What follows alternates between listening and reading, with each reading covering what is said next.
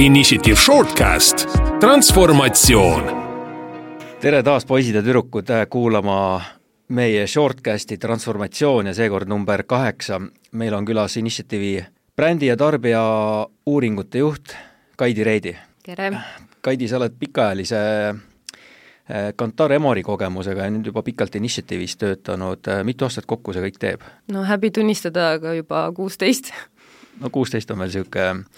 äh, teenager'i aeg, et äh, et ei ole siin, ei ole siin äh, hullu midagi täna räägiks brändist. ma arvan, et brändi tähtsusest ei ole mõtet siin pikalt heietada, me kõik teame, et bränd on ülioluline kogu turunduse kontekstis, aga kui me oleme siin varasemalt päris palju rääkinud performance analüütikast, big datast ja, ja võib-olla oluliselt taktikalisemast turundusest, kui me täna, kui meil täna jutuks tuleb, siis siis just täna proovikski natukene võib-olla arutada selle üle, et mis on selle, mis on brändide tähtsus, kuidas brände mõõta, seda mitte liiga detailselt tehes, mõtlen meie jutuajamine, aga, aga just, et, et kogu selle performance turunduse ja lühiajaliste mõõdikute kõrval me ei unustaks ära tegelikult pikaajalisi mõõdikuid, mis ju bränd tegelikult ongi. kas, kas sa oled minuga nõus, et, et brändi mõõdikud tihtipeale konverteeruvad müügiks kehvemini, kui me loodame? no jällegi keeruline küsimus, selles mõttes, et see on selline nii ja naa. et küll aga võiks öelda, et ikkagi kui brändil on kõrgem äh, tuntus, siis on tõenäolisem ka, et kui vaadata meie performance analüütikat, et tal reaalselt äh, on siis see baastase, mis tuleb ilma suurema pingutuseta näiteks kõrgem, on ju, et, et ehk siis see bränd loeb ka, et, et me ei saa öelda, et, et need on kuidagi, kuidagi ülehinnatud mm -hmm. näitajad. see küsimus võib-olla oligi pisut provokatiivne selles mõttes, et et on mul õigus, et brändi mõõdikud on tegelikult pigem pikaajalisemad mõõdikud? Jah, et selles mõttes, kui sa oled juba suutnud äh, brändiga saavutada mingisuguse taseme, kas siis tuntuse osas või või juba tekitanud äh, teatud proovimiskogemuse või eelistajate baasi, siis on sul loomulikult äh, lihtsam ka edasi toimetada. et ehk siis see kindlasti omab pikaajalisemat mõju kui kusagil meedias nähtud kampaania brändilt, keda sa nii, niivõrd palju ei tea või, või kelle juurde sa pole varem jõudnud nõus, mis ma, mis ma ise silmas pidasin, oligi tegelikult see, et äh, kui me võtame brändi nii-öelda kasvatamise või ja selle mõõdikude eesmärgiks, siis siis äh, noh, praktika on näidanud meil ju tegelikult, et need muutused on mitte just liiga kiired tulema. et kui me ootame, ootame lühiajalist tulemust ja püüame seda korreleerida, lühiajalist näiteks müügitulemust siis äh, korreleerides või püüdes korreleerida seda brändimõõdikutega, siis ega, ega see korrelatsioon kiiresti ei, ei kipu tulema. et pigem ikkagi praktika tõestab, et brändimõõdikud on pikaajalised, küsimus on nüüd selles, et mida me brändi puhul tahame mõõta, on nii. et kui me, kui me lihtsustame, siis võiksime, on mul õigus, et võiksime mõõta tuntust, sealt edasi kaalumist ja siis vaadata, et kuidas siis see kaalumine konverteerub jah, äh, eelistuseks, et, et iseenesest äh, jah, need on need põhinäitajad, oleneb loomulikult ka brändi siis sellisest eluetapist, äh, mida täpsemalt mõõta, noh kas või et kas see on spontaanne tut-, tuntus või aidatud tuntus näiteks, aga mida võib-olla tihtilugu jäetakse tegemata, ongi vaadata nende erinevate etappide omavahelist suhet, ehk siis äh, just seda, et äh, kui paljud neist, kes me, meie brändi teavad, reaalselt konverteeruvad äh, kasutajateks, kui paljud kasutajatest konverteeruvad eelistajateks, et see on tegelikult oluline külg, mis annab meile infot, et mida me siis edasi nii-öelda peaks tegema või kuhu oma fookuse suunama. on mul õigus või eksin ma siin, et et mulle tundub lihtsalt, et üsna tihti seatakse eesmärgiks brändi tuntus omaette, et äh, tuntus ju tegelikult omaette minu meelest ei ole midagi sellist nagu keerulist saavutada, et tuntust äh, on võimalik saavutada ka üsna, üsna ma ütleks selliste võib-olla nõmedat, nõmedate tegevustega, küsimus on ikkagi, millisena sa tahad ennast brändina näidata ja mis väärtust sa kannad. oled sa nõus sellega? no tuntuse osas on selles mõttes nii ja naa, et jällegi, et kui sul on äh, bränd juba tuntud, siis sa ei pea sellega nii palju vaeva nägema, kui bränd nii tuntud ei ole, siis sa kindlasti, see on koht, kust pihta hakata, on ju, eriti kui sa müüd mingisugust äh, äh, ma ei tea, toodet või teenust äh,, mis ei ole selline impulsskategooria, ma ei tea, räägime siin näiteks kas või laenudest või äh, või min-, ma ei tea, telekommunikatsiooniettevõtetest, et sul peab olema ikkagi eelnevalt mingine, mingisugune tuntus või teadmine, et sa seda brändi üldse edasi kaaluksid või selle peale mõtleksid, aga jah, loomulikult sa pead kohe hakkama mõtlema ka selle peale, et milline see bränd siis on, mitte lihtsalt tekitama ainult äh, tuntust. Mul on tunne, et tänasel äh, päeval, kui hinnad igalt poolt tõusevad, siis just see brändi tuntusest järgmine samm, ehk see kuvand, võiks olla ju üks märgilisema tähtsusega näitaja, sellepärast et äh, bränd ju võiks olla üks viis õigustamaks äh, hinnatõusu, üldse mingi toote-teenuse tõusu. kuidas me, kuidas sa soovitad brändi kuvandit mõõta, et kindlasti on, on siis ma arvan, et kõik brändid on, on nende omanike poolt kuidagi kirjeldatud, millisena nad tahavad, et äh, neid nähakse, teisest küljest tuleks mõõta siis vastupidi äh, tarbija seisukoha või pil-, pilgu läbi, et kuidas siis neid nähakse, aga ku-, kuidas sa soovitad brändi kuvandit mõõta? no seal on selles mõttes oluline siis keskenduda nii sellele emotsionaalsele poolele, et kindlasti on mingisugused brändi väärtused, millest ka Natalja siin eelmises äh, shortcastis rääkis äh,, aga teiselt poolt ka siis sellised ratsionaalsed äh, omadused, et äh, millele bränd äh, võiks või peaks vastama ja teine teine asi on välja selgitada ka siis äh, see, et millised nendest omadustest päriselt äh, brändi atraktiivsust äh, mõjutavad ehk siis kuhu, kuhu oleks vaja rõhku suunata ja siin me tegelikult ikkagi endiselt ei saa üle ega ümber äh, sellisest äh, statistilisest analüütikast, mis võimaldabki meil siis analüüsida, et, et millised tegurid äh, tegelikult omavad mõju brändi, brändi atraktiivsusele mis sa selle brändi atraktiivsuse all silmas pead täpselt, kas seda saab kuidagi defineerida? jah, et, et selles mõttes seda saab nii-öelda või, või mõõta, et, et panna sinna mingid numbrid külge või? Jah, just, et brändi atraktiivsus kindlasti on ka mingisugune numbriline näitaja, see, et ku-, milliste erinevate küsimuste alusel seda mõõta, sõltub natukene jällegi brändist, et äh, väga võib-olla levinud on äh, näiteks NPS-i võtmine nii-öelda atraktiivsuse indeksina või atraktiivsuse näitajana ja siis selle ähm, analüüsimine seoses siis erinevate kuvandiomadustega, aga kindlasti võib siin võtta siis arvesse ka brändi atraktiivsuse puhul erinevaid, ma ei tea, emotsionaalseid omadusi, no näiteks seda, et, et kuivõrd mulle üldse see bränd meeldib, äh, kuivõrd ma tajun sellel eeliseid või kuivõrd usaldusväärne see minu jaoks on. ja, ja siis juba need teised näitajad äh, mõjus äh, sellele atraktiivsuse indeksile. no sa oled jaekaubandusega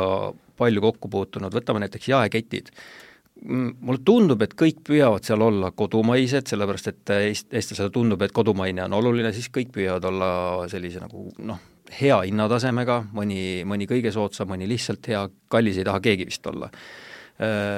Mulle kõrvaltvaatajana tundub, et, et, et need nagu brändi omadused on kirjeldatud kõik, kõik nagu ühtemoodi ja võidujooks käibki siis nende samade positsioonide pärast, et või, või, või ma eksin siin kes siis, kes siis tundub kodumaisem, kes tundub soodsam, äh, et ei ole selliseid nagu väga selgeid erisusi,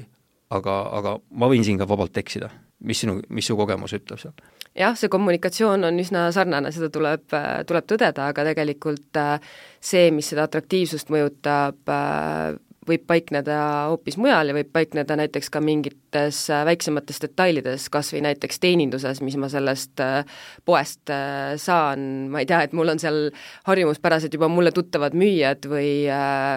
või kuni siis mingite lojaalsusprogrammi eelisteni välja. et, et see ei pea alati piirduma, see brändi atraktiivsus või eelis siis selles äh, suures nii-öelda eestimaisuses või või selles, mida me siis kommunikeerime suuremates äh, reklaamikampaaniates. see kodumaisus on jah, kõigil, kõigil palju läbi käinud, küsimus on, kuidas keegi suudab seda kuidas keegi seda oma tegevustes suudab äh, tõestada, aga mulle, mulle endale väga meeldib Snickersi mm, kommunikatsioon, mis on nüüd viimased aastad ilmselt, ma nüüd täpselt ei tea, millal see tuli, aga aga tema slogan on see, et sa pole sina ise, kui sul on kõht tühi, et kuidas sa brändi mõõtmise seisukohalt või brändingu seisukohalt eh, hindad sellist, sellist tegevust, et mul on tunne, et siin on mindud täiesti kategooriast välja, et antud tootele hoopis teine tähendus, et kõik, kui kõik räägivad maitsest ja ja sellistest nagu funktsionaalsetest omadustest, siis või ma ei tea, võib-olla maitse on võib-olla emotsionaalne omadus. Aga nii ja naa, jah. aga kuidas, kuidas sa hindad seda, et äh, kui antakse tootele ja kuidas sa mõõdaksid seda, kui antakse tootele hoopis mingi teine dimensioon, et äh, et me ei räägi enam nendest klassikalistest karakterit või, või näitajatest, karakteristikutest, vaid toome hoopis mingi teise dimensiooni mängu? kuidas sulle tundub, kas seda, seda kasutatakse piisavalt palju ja kuidas see, kuidas see töötab, et kas see, kas see tõstab consideration'it äh, ja, ja aitab brändil välja paista või mis su kogemus on? No sellega võib minna nii ja naa, et, et ilmselt ma tahaks arvata, et Snickers on sinna ette teinud ka päris palju ikkagi uuringuid, et mõista, kas sellel mõttel, et kustuta nälga selle tootega, on, on jumet. et, et kui sa selle sõnumiga puusse paned, et siis lõppkokkuvõttes sellega võib-olla liiga hästi ei lähe ja kultuurilised erinevused siin samamoodi, et ma mäletan seda, et kui tuli kunagi see oli vist Belvita küpsis, mida Eestis hakati ka reklaamima kui hommikusööki, siis noh, tegelikult sa Eesti inimesena ei kujuta ette, et sa lihtsalt võtad selle kuiva küpsise ja siis näeksid seda hommikul hommikusöögiks. et eks siin on ilmselt kultuuriliselt ka neid erinevusi, aga noh, ma arvan, et Snickers ikkagi sinna ette tegi ka selle, selle tarbijauuringu, kus ta siis kaardistas, et mis olukordades sa haarad selliste toodete järgi ja ilmselt nägid siis seal seda potentsiaali, et, et et äh, kuna Snickers ei ole ka kõige vähem rammus äh, snäkk just, et, et siis see on ka see koht, millega sa saad siis nii-öelda seda kiiret nälga kustutada ja, ja jälle siis energiliselt edasi minna. kusjuures see on hea tähelepanek, et sellega võib ka tegelikult äh, väga lihtsasti alt minna aga kui me läheme tagasi see brand funnel'i juurde, mis, mis me siin alguses leppisime kokku, et võtame seda seekord lihtsustatuna, et tuntus, kaalumine ja aktsioon, et kui me oleme sellises positsioonis, et meil on, meil on nüüd see pilt ees me näeme, et äh, tuntus on olemas, aga kaalumist ei tule järgi. mis, mis situatsiooni see sinu jaoks tähendab või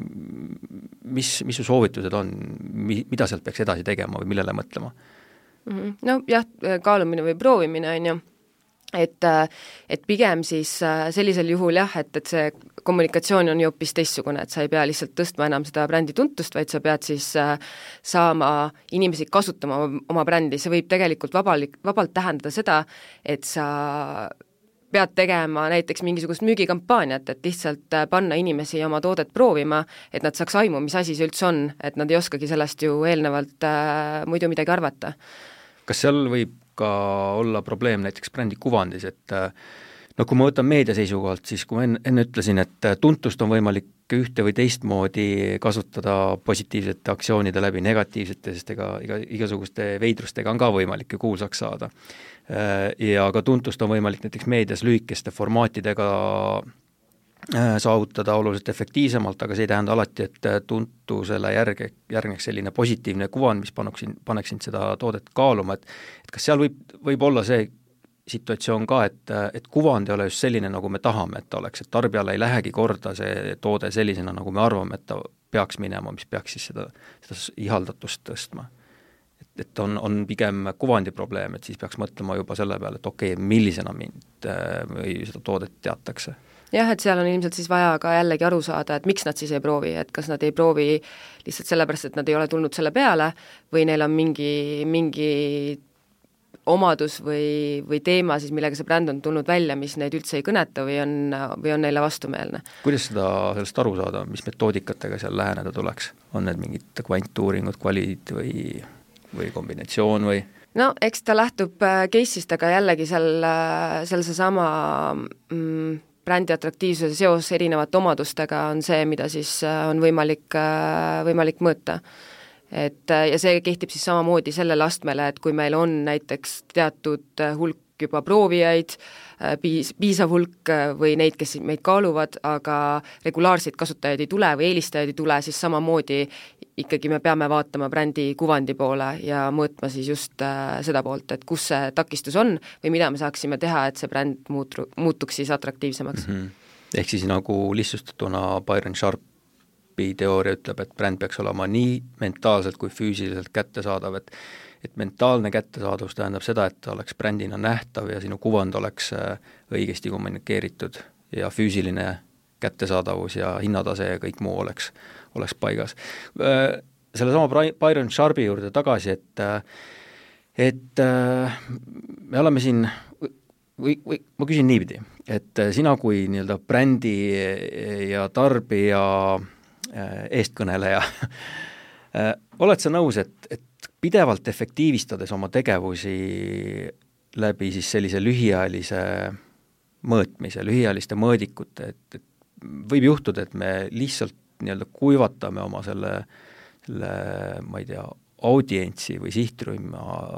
ära, et meil lõpuks ei jäägi, et ROI on küll mingil hetkel väga kõrge, aga pikas perspektiivis ta kipub kukkuma, sellepärast et me ei tegele selle nii-öelda järelkasvu peale, peale kasvatamisega, brändi, brändi nii-öelda toitmisega. Just, et brändi sellise kuvandi hoidmisega selgena ja lisaks ka siis selle, selle raames nii-öelda uute klientide võitmisega või siis regulaarse kliendibaasi kasvatamisega. eks mulle tundub, et kui me räägime performance analüütikast, siis pigem me räägime sellise kõrge kaalumise kaalumisega kliendi kiiresti closing ust, aga kui me räägime pealekasvust, siis me räägime ikkagi selle nii-öelda brändi funneli esimesest otsast pigem, et brändi tuntust erinevates või laiemates sihtrühmades tõstmine, äh, brändi kuvandi tugevdamine, brändi kaalumise tõstmine, et siis oma selliste kiirete, lühiajaliste kampaaniatega, see consideration, mis on siis läbi brändi, brändi tugevdamise saavutatud, et see siis ära close ida, et, et see kõik tegelikult, tegelikult kokku on üks suur kombinatsioon. just. mis sa sellest arvad, et äh, räägitakse juba aastaid, väga pikki aastaid, äh, et äh, mis on siis õige osakaal, et kui palju peaks brändiga tegelema, kui palju peaks siis müügikampaaniatega tegelema, et äh, et me oleme siin varem korraga seda, seda käsitlenud äh, korraks, aga, aga mis sa arvad, kas see kuuskümmend, nelikümmend on, on kuidagi paikapidev? et või on see liiga lihtsustatud, et, et liiga, liiga selline üheülbaline kirvega löödud? no mina arvan, et see on liiga lihtsustatud, et selles mõttes sa ikkagi pead lähtuma sellest seisust, kus, kus bränd on, et sa pead esialgu panema sinna brändi ju oluliselt rohkem ja hiljem, kui see bränd on sul tugev, siis sa sinna nii palju enam äh, panustama ei pea, et et, et ehk siis ma arvan, et see proportsioon äh, muutub ajas, aga sa, kui sa oled juba tuntud äh, ja teada ja kasutatud bränd, et sa lihtsalt ei tohi unustada seda, et sa pead selle brändiga ka aeg-ajalt äh, tegelema. ma väga tänan, et sa niimoodi vastasid võib-olla me oleme seda kunagi varem arutanud, aga minu, minu seisukoht on ka kindel, et see kuuskümmend, nelikümmend on ikkagi väga ajast ja arust äh, definitsioon, nagu sa ütlesid, sõltub kõik brändi positsioonist ja eesmärkidest, et mida me taha, tahame saavutada, et, et seda eelarvet lihtsalt niimoodi, nii lihtsakoeliselt jagada oleks tänapäeva sellises dünaamilises, kiiresti muutuvas keskkonnas ikka ilmselt, ilmselt pat-. Kaidi, me oleme käsitlenud funnelit sellises klassikalises võtmes, kus me eeldame, et tootel-teenusel peaks olema alati tuntus ja, ja siis on kuvand ja kaalumine ja ost tuleb järgi, et mis sa arvad täna e-kommertsis, kas see tuntus on ikkagi kõikidel juhtudel nii, niivõrd vajalik, et selleks, et see ost tekiks, sest ma ise, ise olen tähele pannud, et kas või näiteks Facebookis või, või või mõnel muul sotsmeedia platvormil tulevad tooted, mis panevad täitsa reaalselt mõtlema, et, et isegi ostaks ja, ja olen isegi ostnud teadmata tegelikult, et kust ma seda siis äh, ostan, et, äh, et, et sellel kaupmehel ei ole minu silmis mingit tuntust olnud tol hetkel. Jah, olen isegi ostnud, et aga jah, eks ilmselt lähtub äh, ka päris palju sellest kategooriast, et mis kategooriaga on tegu, et väga hea on seal sotsiaalmeedias sulle ette äh, visata erinevaid äh, riidehilpe, näed midagi toredat, äh, tahad selle kohe ostukorvi panna, ma ei tea, kas või isegi kosmeetika näiteks, äh, mingisugused väiksed kodusisustusvidinad, et et seal loomulikult on vaja tegelikult inspireerida seda tarbijat äh, ostma midagi ja ta tõenäoliselt suudab teha selle ostu ka mõnest e-poest, mis talle võib-olla nii tuttav ei ole. et jah, et kui, kui tegu on võib-olla sellise esmakordse ostuga sellisest kohast, siis äh, võib-olla sa tõesti vaatad, kas mõni su sõber on like inud sedasama lehte või äh, milline on selle kaupmehe reiting siis kusagil internetis, aga sa ei jäta seda ostu tegemata. samas äh, samas et, ei nii, nii et tegelikult see, seal juhul on siis oluline pigem usaldusväärsus, et kas kas see kaup ikkagi jõuab sinuni, et, et aga seda usaldusväärsust tõenäoliselt, tõenäoliselt on võimalik sealsamas nii-öelda platvormil, sealsamas leheküljel ka tekitada, et selleks ei pea tegema eraldi kampaaniat siis, on nii? Just, et, et ütleme nii, et sul ei pea olema siis tõesti seda kõrget tuntust selleks, et, et neid oste saada, küll aga sa pead panustama päris palju äh, just sellesse tegevusse, et, et ilmudagi siis inimestele silme ette, kes sind tegelikult ei tea ja sinu juurde muidu ei, ei jõuaks mm, -hmm. et mhm. kui brändil on tuntus, siis, siis reaalselt sa, sa jõuad selle brändini ka ise. no see on õige jah, et, et täna sotsmeedia algoritmid toovad selle reklaami juba ise nendeni, kes tõenäoliselt on huvitatud sellest tootest või teenusest, aga, aga selle kontakti eest tuleb, tuleb alati maksta. Kui sul on bränd äh, juba piisava tuntusega, siis äh, inimesed tulevad ise sinu juurde, et seal tekibki see erinevus, et tugeval brändil ei ole vaja iga tegevuse eest maksta, küll aga aga jah, need algoritmid, need võimaldavad jõuda ka inimesteni niisama okei okay,, ja si-, ja sel, sel hetkel on siis vaja pigem äh, usaldusväärsust, et see kaup jõuab kohale ja, ja inspiratsiooni ja atraktiivsust. aga ikkagi tegelikult tuleb rõhutada ka siin, et siin see kategooria on oluline, et kas mm -hmm. tegu on impulsskategooriaga või mitte. mis kategooriad siin näiteks ei, võib-olla toimi sarnaselt? No näiteks sa ikkagi laenu ei äh, võta kohast, äh, mille kohta sa üldse mitte midagi ei tea, ükskõik, kas see sul seal Facebookis ette ilmub või mitte,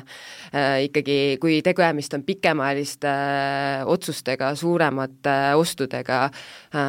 siis sa tõenäoliselt ikkagi teed need ostud või otsused nende kohtade kasuks, mille kohta sul on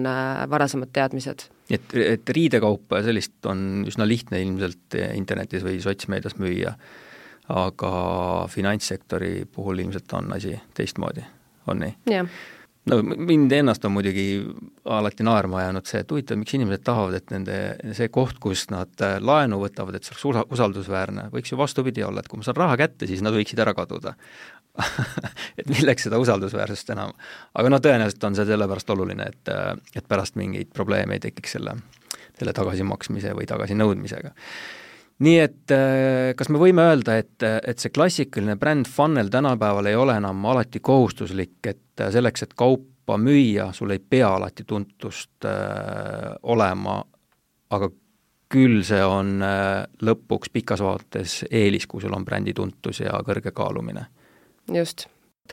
aga okei okay, äh,, päris põnev jutuajamine, et meil on äh, aeg läbi saamas, millega me võiksime kokku võtta meie see paarkümmend minutit, et me alustasime, alustasime sellest, et et äh, brändi ei tohi ära unustada, sellepärast et kui me vaatame ainult lühiajalisi mõõdikuid, siis äh, me võime pikemas perspektiivis ja kin-,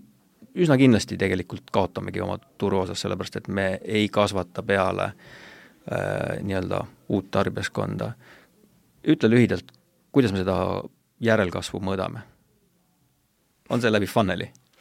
Jaa, et selles mõttes tasuks ikkagi kindlasti äh, brändiuuringuid tehes mõõtagi siis seda konverteerumist ühest etapist teise, et me näeks äh, ja saaks kogu aeg siis kontrollida, et kus see probleem parasjagu on ja millele me peaks rohkem äh, oma tegevust panustama. nii et tegelikult me jälle ei räägi üldse mingit, mingist raketiteadusest, vaid klassikalisest funnelist, selleks et, et järelkasv tekiks, meil on vaja uusi inimesi, kes meie tootest teenusest teavad meil on vaja, et nad meist hästi arvaksid ja meil on vaja, et see toode oleks õige hinnastusega ja igal pool kättesaadav, et see consideration, mille me oleme loonud, oleks lihtsasti konverteeritav ka lõpuks Ostujaks. müügiks mm. või ostuks. ja loodetavasti siis positiivse emotsiooniga ostuks, et sealt tekiks ka lojaalsus, lojaalsusest me räägime ilmselt teinekord, sellepärast et siin on ka erinevaid käsitlusi, kas lojaalsust üldse on olemas äh,, aga sellest juba järgmisel korral, Kaidi, mina tänan! aitäh! ja kohtume juba Shortcastis number üheksa, ilusat kevadet kõigile!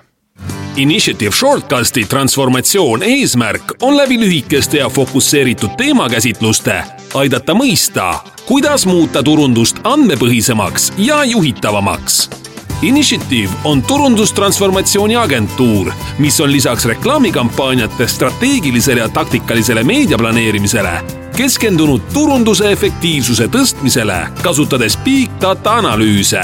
statistilisi mudeleid ja tarbija, brändi ning neurouuringuid. seda kõike koostöös uue analüütikaettevõttega Analytical Alley